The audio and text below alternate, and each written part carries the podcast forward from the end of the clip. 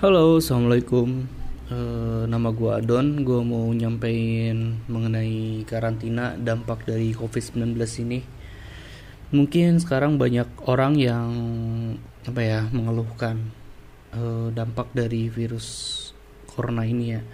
Karena makin hari ini kayaknya makin positif dan wabahnya juga makin kayaknya makin meluas juga gitu kan bahkan uh, efeknya tuh kayak kerjaan kayak di perusahaan-perusahaan tuh banyak yang dirumahkan si karyawannya.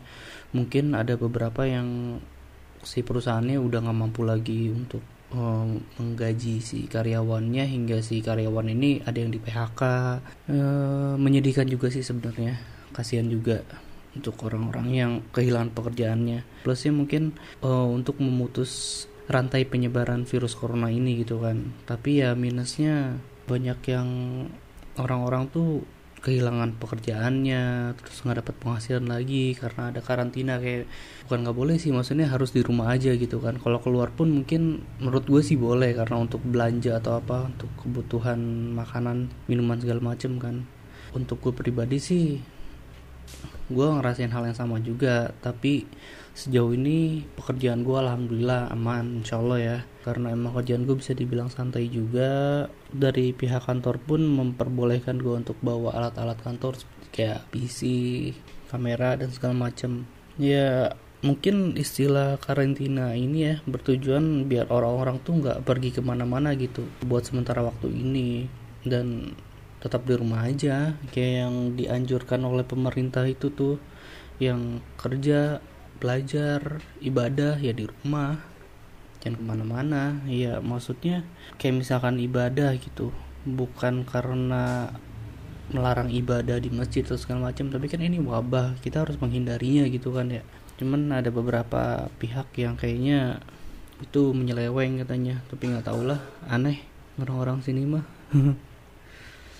terus oh iya maksudnya tuh nggak bisa pulang karena aturan pemerintah tuh kan nggak memperbolehkan si warganya untuk mudik atau pulang kampung. Tapi ada kabar kayak mudik sama pulang kampung tuh beda. Apa gimana sih? Gua gua nggak tahu juga ya. Uh, nah sekarang nih kan ada PSBB nih pembatasan sosial berskala besar. Kayak gue nih gue gue tinggal di Depok yang notabene tuh kayak katanya zona merah. Gue ngeri ngeri sedap juga sih sebenarnya. Kayak misalkan gue harus ke Jakarta itu kayaknya ada ada checkpoint yang ngejaga. Kayak misalkan uh, si kayak misal gue gue gue bawa mobil gitu gue nyetir gue tetap harus pakai masker. Ke mana-mana harus pakai masker.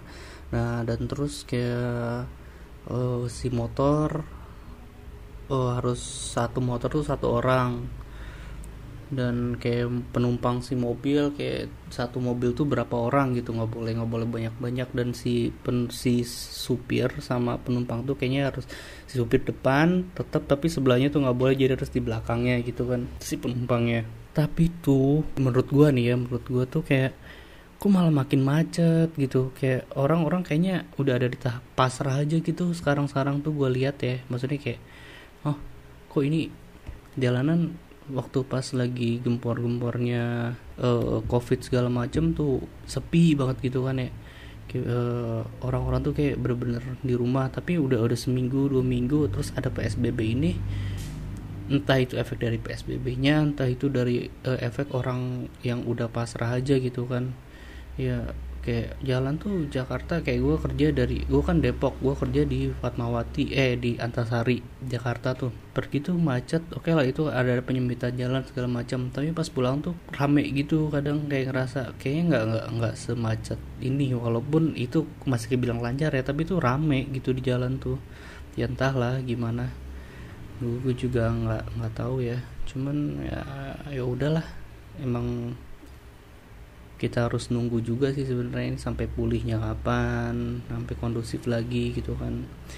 Ya oh iya uh, eh, gue mau ngejelasin kerjaan gue sekarang ini tuh ngerangkap banyak ya sebenarnya. Kayak gue bergerak di bidang media bisa dibilang media media kreatif atau apa ya? Ya kerjaan gue sih kayak misalkan gue gue tukang foto iya uh, video iya editor juga editor video sama foto maksudnya ya. Terus ngedesain untuk konten uh, buat Instagram gitu. Ya, ya tapi sekarang tuh lebih banyak di jalur dakwah namanya imam muda. Kalau bisa kalau emang kalian mau tahu cari aja imam muda. Itu tuh kayak murotal murotal Islam eh murotal murotal Al-Quran gitu ya jadi ya sehari-hari gue tuh nggak jauh dari hal-hal yang begitulah nggak jauh dari editor nggak jauh dari foto video segala macem ya cukup sekian lah ya Semoga semuanya cepat berlalu, covidnya hilang, bisa jalan-jalan lagi, bisa beraktivitas lagi. Oke cukup sekian ya, terima kasih, sukses terus buat kita semua. Buat Rifantasia maju terus. Terima kasih. Assalamualaikum. Hampura capruk. Oi.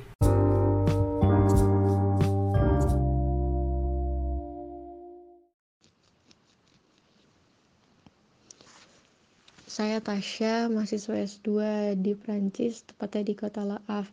Uh, saat ini saya di rumah dan masih di karantina karena kebetulan di Prancis sudah berlangsung uh, karantina sejak bulan Maret uh, sampai bulan Mei, tepatnya di tanggal 11 Mei dan akan membuka beberapa kegiatannya seperti sekolah, dan nanti akan dilanjutkan dengan beberapa kegiatan yang akan mulai uh, diaktifkan kembali.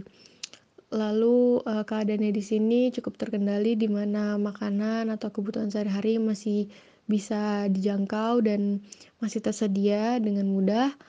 Lalu uh, untuk saya sendiri kegiatannya sehari-hari karena saya sebagai mahasiswa kebetulan di semester 2 ini saya sudah menyelesaikan tes dan kelas saya sehingga saya tidak menjalankan kelas online. Tapi saya mengerjakan tesis sehari-hari untuk uh, semester 2 saya ini.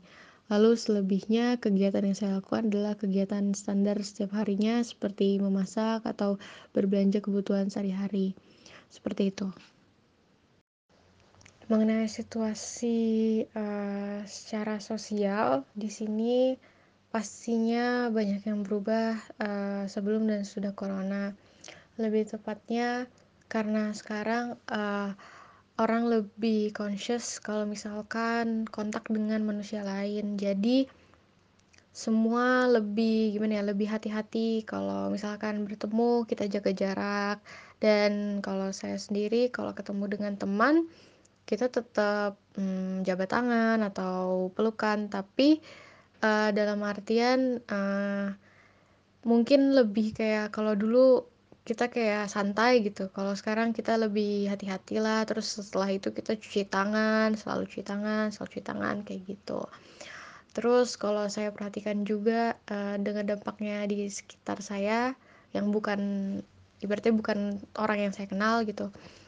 Mereka ya tentunya kayak gitu benar-benar menjaga jarak. Misalkan di supermarket atau saya sedang ada di jalan mungkin orang akan selalu um, tidak mau dekat dengan orang lain gitu. Jadi ya, mencoba mencari jalan lain supaya tidak bertemu gitu. Atau pokoknya memaintain jarak antara satu sama lainnya kayak gitu.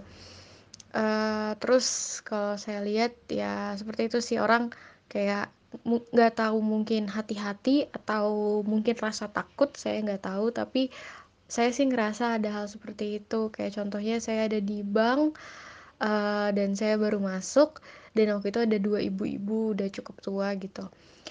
Uh, lalu ketika mereka mau keluar kan saya mau masuk dan saya udah masuk terus mereka ngeliat saya gitu.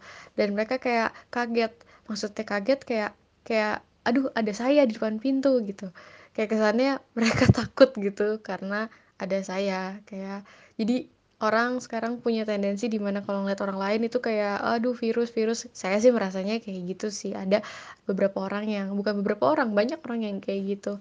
Cuman uh, kebetulan uh, di apartemen saya sendiri tepatnya pokoknya di depan gedung saya ini akhir-akhir kemarin mungkin karena orang juga sudah cukup jenuh dalam rumah dan tidak ada kegiatan yang begitu um, apa ya menghibur mereka. Akhirnya mereka berkumpul di depan terus uh, ngobrol di depan ada taman kecil dan mereka di situ berkumpul. Dan buat saya itu nggak ada jarak ya nggak ada jarak satu meter atau dua meter gitu.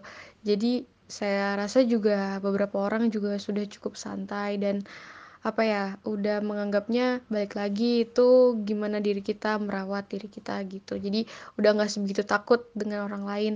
Karena saya rasa awalnya itu yang saya rasain banget sih kayak orang avoid orang lain gitu. Karena takut mereka memberikan virus atau mereka yang jadi virus mungkin kayak gitu. Kalau menurut saya uh, kita sebaiknya menjadikan ini sebagai pembelajaran aja untuk uh, kita lebih um, peduli akan satu sama lain. Dan saya rasa itu sudah terjadi di Indonesia mungkin di negara lain juga. Tapi ya saya lihat seperti itu karena banyak orang yang mungkin di PHK atau mungkin jadi susah untuk bekerja dan kita saling peduli untuk membantu satu sama lain. Dan buat saya itu adalah hal yang bisa jadi pembelajaran dan itu bagus. Um, jadi terlepas dari pandemi ini terlepas terlepas dari banyak orang yang mungkin sakit ataupun meninggal dunia dan pastinya itu menyedihkan buat kita tapi di satu sisi kita juga bisa lihat kalau ada hal-hal baik juga yang bisa kita rasakan dari kepedulian sosial terhadap sesama. Terusnya juga kita bisa lihat uh, banyak orang yang mungkin lebih sadar akan um, keberlangsungan atau pelestarian alam karena uh, sebenarnya kerusakan atau apa ya segala sesuatu yang terjadi di dunia ini pasti ada sangkut pautnya sama kita sebagai manusia yang telah uh, mengeksploitasi lah sebenarnya. Jadi nggak nggak nggak serta merta kejadian ini ya emang harus terjadi aja tapi pasti juga ada penyebabnya dan kita sebagai manusia yang tinggal di bumi juga uh, bertanggung jawab atas itu. Jadi ya menurut saya kita jadikan itu pelajaran dan kita semakin peduli akan sesama terhadap sama manusia dan juga terhadap lingkungan. Um, dan saya harap uh, di Indonesia semakin berkembang juga uh, pemikiran itu. Dan um, walaupun saya sering lihat juga gitu banyak uh, teori konspirasi atau semacamnya tapi ya saya harap orang-orang uh, terutama gitu di Indonesia uh, tidak perlu terlalu meng menghiraukan apa pun yang orang-orang bilang misalkan ini terjadi karena apa karena apa lalu ingin uh, mungkin uh, demo atau aksi-aksi semacamnya buat saya itu uh, bukan hal yang baik untuk dilakukan saat ini.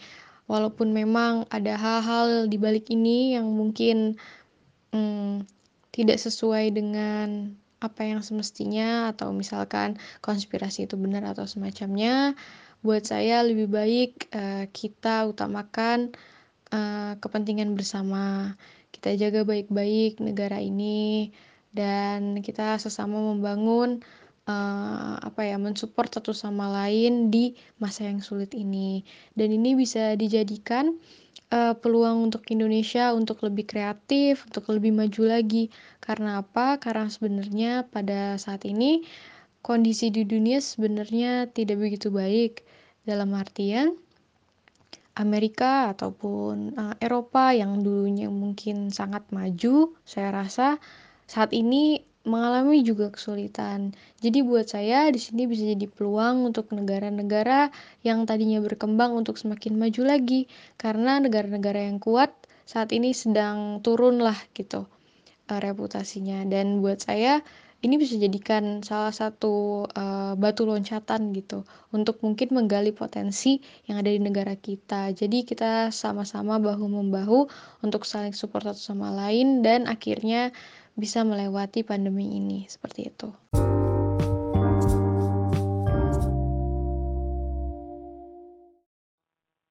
Assalamualaikum warahmatullahi wabarakatuh. Halo semuanya, salam kenal.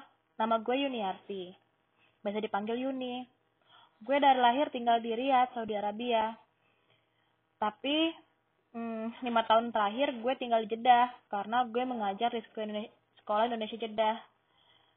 Uh, Dan sejak Januari, gue sudah nggak ngajar lagi di sana. Hmm, dan kegiatan gue ya sebelum pandemi ini bisnis kecil-kecilan. Ngedatengin barang dari Indonesia, seperti make up, bumbu masakan, gitu kegiatan gue. Tapi ketika uh, COVID-19 semakin menyebar dan antar kota harus di lockdown, gue harus kembali ke Riyadh yang di mana orang tua gue tinggal di sana. Oh iya, gue juga sendirian dan orang tua gue stay di Riyadh karena pekerjaan mereka di sana. Dan sekarang gue ya masih sama orang tua gue. Uh, gue meninggalkan Jeddah dan uh, stay di Riyadh untuk sementara waktu, insya Allah. Uh, Saudi Arabia ini sih sangat ketat ya dengan peraturan dari kerajaan. Hmm, ketika lockdown, masyarakat tidak boleh ada yang keluar rumah. Yang keluar rumah akan didenda eh, sekitar 10.000 real. Kalau dikursin rupiah itu bisa jadi 40 juta rupiah. Banyak banget kan? Nah, um,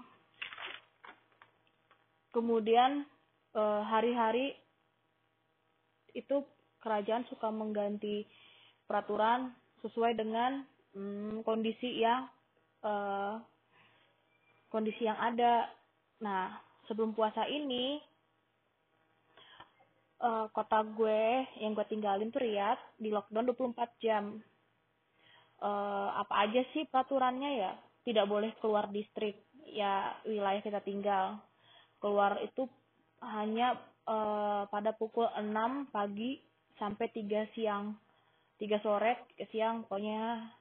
Uh, dan itu keluar um, untuk yang berkepentingan atau mendesak. Dan di mobil di mobil um, hanya boleh ada dua orang. Yaitu satu supir eh satu supir atau driver atau pengemudi dan satu penumpang. Tidak boleh membawa anak kecil keluar ataupun ikut di dalam mobil itu nggak boleh. Ya buka yang buka hanya fasilitas kesehatan swalayan toko sembako bank pom bensin toko gas jasa perbaikan pipa air listrik dan AC jasa pengiriman air bersih atau limbah gitu. Itu sebelum puasa. Tapi ketika bulan puasa bulan Ramadan uh, muncul peraturan baru lagi. Tapi uh, ini hanya uh, berlaku dari 6 Ramadan sampai 20 Ramadan aja. Ya mall dibuka uh, terus dibolehkan keluar dari distrik. Tapi anak yang di bawah umur 15 tahun itu nggak boleh masuk ke dalam mall. Dan ketika masuk ke pusat pembelanjaan uh, kita tuh dicek suhu badan. Sebelum masuk itu cek suhu badan. Dan kita disuruh mengantri dengan jarak satu meter.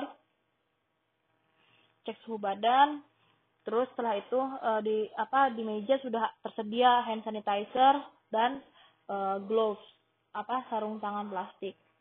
Dan juga ada beberapa yang menyediakan uh, masker gitu. Disposable mask mask gitu. Nah selama selama pandemi ini kegiatannya apa aja sih yang gue lakuin di sini? Ya gue di rumah aja. Di rumah stay di rumah.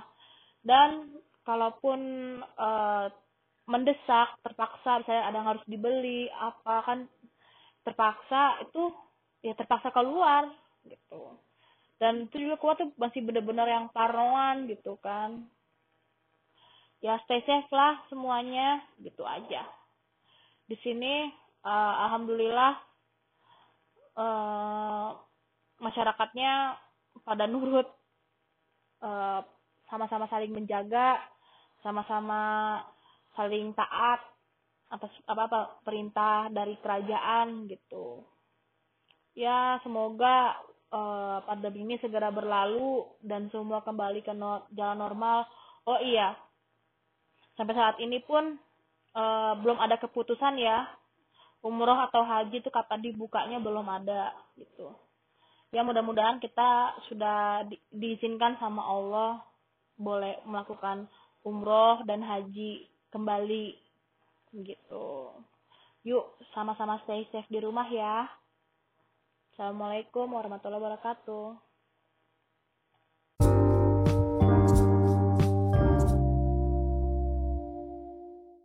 Assalamualaikum warahmatullahi wabarakatuh. Hui, goedemiddag. Hoe gaat het met jou? Gimana nih, sobat-sobat semuanya? Masih pada setia bersama hashtag di rumah aja kah? Pasti iya ya. Pasti nih, warga-warga negara yang baik mengikuti arahan pemerintah untuk stay at home sampai wabah ini selesai. Oke, perkenalkan nama saya Intan Mutaharo. Saya asli kelahiran dari Ciamis, Jawa Barat, Indonesia, Jaya, Jaya. Oke, dan untuk selanjutnya pekerjaan. Hmm, pekerjaan kalau dibilang pengangguran masih ada kegiatan. Kalau dibilang ada kegiatan, kebanyakan gabutnya juga ini. Tapi alhamdulillah officially SH ya. Oke, tapi masih belum dapat pekerjaan ini, Bung. Masih nulis-nulis aja gitu. nah, sekarang keadaan di tempatmu selama wabah COVID-19. Hmm, pengalaman kemarin sewaktu magang di Jakarta, pas lagi gencar-gencarnya wabah COVID-19 menyerang Indonesia, baru ada positif 500 orang waktu itu sekitar tanggal 17 Maret ya kalau nggak salah dan aku harus magang di Jakarta sekitar dua bulan tapi karena wabah ini jadi aku harus pulang dengan paksa asik. Kocak banget asli sedih banget. Dan di sana tuh kayak biasa aja sebenarnya nggak separno di desa. Asli di sini parno banget sampai banyak diskriminasi juga sih. Tapi so far sekarang seni ke sini semakin lama mereka jadi semakin kayak ah udah sih pasrahin aja sama Allah lah yang kayak gitu mah.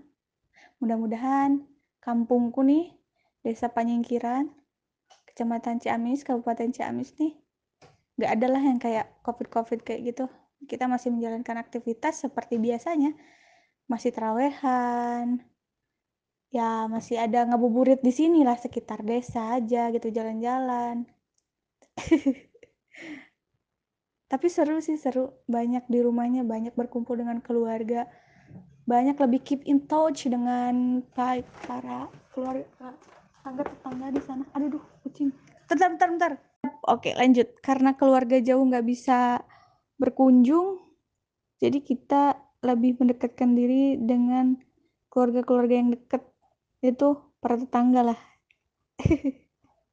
Walaupun memang kalau keluar jauh nih ke pusat kota harus pakai masker sarung tangan pakai kacamata jangan lupa helm apalagi sekarang mau PSBB nih Ciamis menunggu instruksi dari gubernur. Kalau PSBB jadi 27 kecamatan yang ada di Ciamis diterapkan maka untuk keluar rumah berkendara kayak gitu dibatasi berkendara sendiri-sendiri naik motor.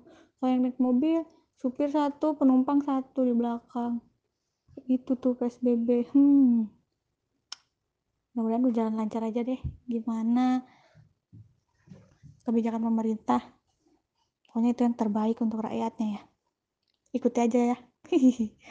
Lalu kegiatan sehari-hari aku nih apa ya? Random banget sih abstrak juga nih. Tidak terjadwal dengan rapi sebab ya terlalu terlalu lama nggak terlalu terlalu banyak di rumahnya tapi sekarang saya lagi ngerjain project pembuatan novel terbaru. Karya sastra ke-5 dan ke-6 asik. Oh iya sebelumnya aku udah nerbitin buku karya sastra keempat nih. Tepatnya sebuah novel ketiga. Karena buku karya sastra ketiganya itu antologi puisi masih dalam proses ongoing masih belum cetak ya ampun boleh deh kalian apabila mau. Buku novel Intan. Yang ketiga yang berjudul Aga bisa dipesan di Instagram One Page Media atau di Shopee. Dengan mengetik kata kuncinya berjudul Aga. Nanti keluar tuh. Murah cuma 70k aja. Apaan kak? Eh 70 ribu rupiah. Gitu. Masih bisa produktif kok di rumah kalau kalian yang nggak suka nulis tulis menulis bisa bikin kayak semacam karya visual. Semacam kayak gini nih nge podcast podcast nge YouTube YouTube atau yang lainnya. Seperti bikin kerajinan kayak atau apa gitu. Pokoknya selama di rumah aja kalian harus produktif. Juga kalian harus mengasah keahlian kalian gitu rekan-rekan. Bisa kan ya pasti dong. Yakin. Oke gitu aja ya dari Intan. Salam hangat jabat erat. Salam literasi terus berprestasi.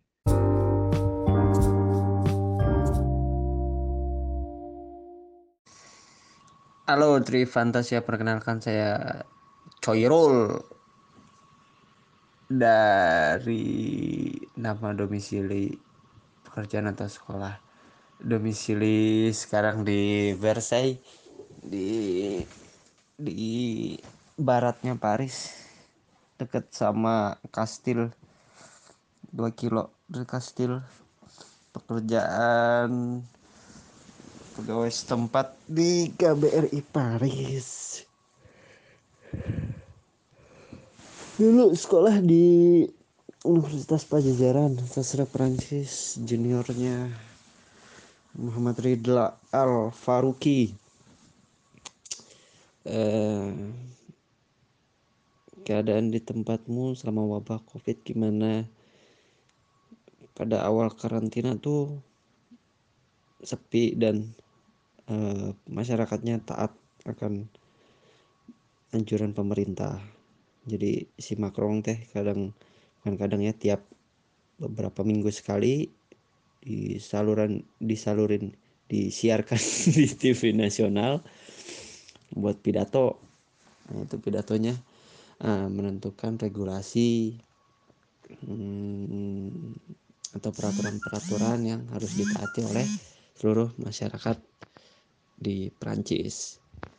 Nah, jadi ketika awal uh, karantina tuh benar-benar peng uh, bersih hilang dalam artian masyarakat nggak ada keluyuran lagi terus nggak uh, belanja belanja nggak makan makan restoran semua tutup kafe kafe semua tutup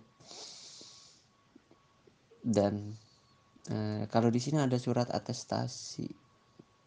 Jadi yang bisa di print atau sekarang udah lewat aplikasi, bukan lewat aplikasi, lewat web gitu. Nanti bisa di download atestasinya. Itu eh, kita tulis mau ke mana kita pergi, dari jam berapa, tempat tinggal kita di mana. Nah, ketika nanti misalnya ketemu polisi atau ada pemeriksaan wajib memperlihatkan itu kalau enggak nanti denda e, bisa sampai 130 euro dendanya itu nah itu juga untuk kiat-kiat mengurangi uh, masyarakat keluar buat yang nggak perlu-perlu kayak ngabuburit kali ya atau beli-beli jalan-jalan ke mall tapi nggak beli atau pasar senen. Ngapain kayak gitu? Terus nah sekarang kan udah mode konfinemong uh, selesai karantina tanggal 11 insya Allah keadaan tempat di sekitar rumah ini ya yang sekarang itu udah udah hampir berjalan normal. Sore sore itu orang-orang udah pada keluar mak-mak pada nyuapin sop ke anaknya anak-anaknya pada jalan-jalan main sepeda bedaknya tebel terus bapak-bapak main burung. Udah udah udah jalan udah hampir kembali normal lagi. Terus hmm, tapi masih tahap karantina gitu. Kegiatan sehari-hari aku apa? Selama di karantina ini deh di rumah aku keluar cuma buat kerja atau beli bahan pangan. Dedak. Beli makanan ke eh, supermarket yang yang boleh buka tuh supermarket terus uh, farmasi atau apotik dan ya pokoknya kebutuhan sehari-hari gitu. Itu aku buat belanja itu. Terus ya udah bangun tidur. Sebelum puasa tuh bangun tidur bangun pemanasan mandi sarapan pagi pakai sereal. Terus oh iya dong sereal. Terus makan siang masak uh, bengong lagi hmm, dan laptop sebenarnya bukan bengong sih kerja. Di work from home kerja dan uh, stay di, depan laptop nunggu nunggu kerjaan kirim dulu deh. Kirim kerjaan atau nanti siap panggilan. Kemudian ya udah malam masak masak lagi ibadah tidur. Nah udah gitu terus. Nah sekarang ketika nah bulan puasa ada tidur jam 12 bangun jam setengah empat mandi eh mandi. Uh, setengah empat sahur dong. Sahur siapin makanan segala macam udah makan sholat subuh tidur lagi sampai jam kalau kalau libur sampai jam 12 kalau kerja ya masuk sesuai jam kerjanya terus udah bangun biasanya mandi pemanasan lagi peregangan lah ya stretching. Terus nonton film hmm, main WhatsApp, Twitter atau Instagram. Ya udah bermalas-malasan lah. Atau nulis kadang. Ya udah gitu ya. Terus buka masak dulu. Buka makan. Kadang kalau masaknya banyak buat ntar sahur lagi ya gitu. Terus kamu harus merepresentasikan KBRI Paris ah nggak bisa. Ah aku mah ini atas nama personal aja bukan atas nama KBRI Paris aku coy secara secara hmm, warga lokal versi jadi gitu Rida Rida Arfaruki. Aduh seniorku tuh baik tuh dia. Cuma kadang nyebelin. Terus ya udah di oh sekalian ini deh sekalian promosi. Jadi semenjak covid ini kan rame banyak WNI juga yang karantina. Uh, banyak PPI Persatuan Pelajar Indonesia di Paris yang atau Perancis yang kuliah di sini.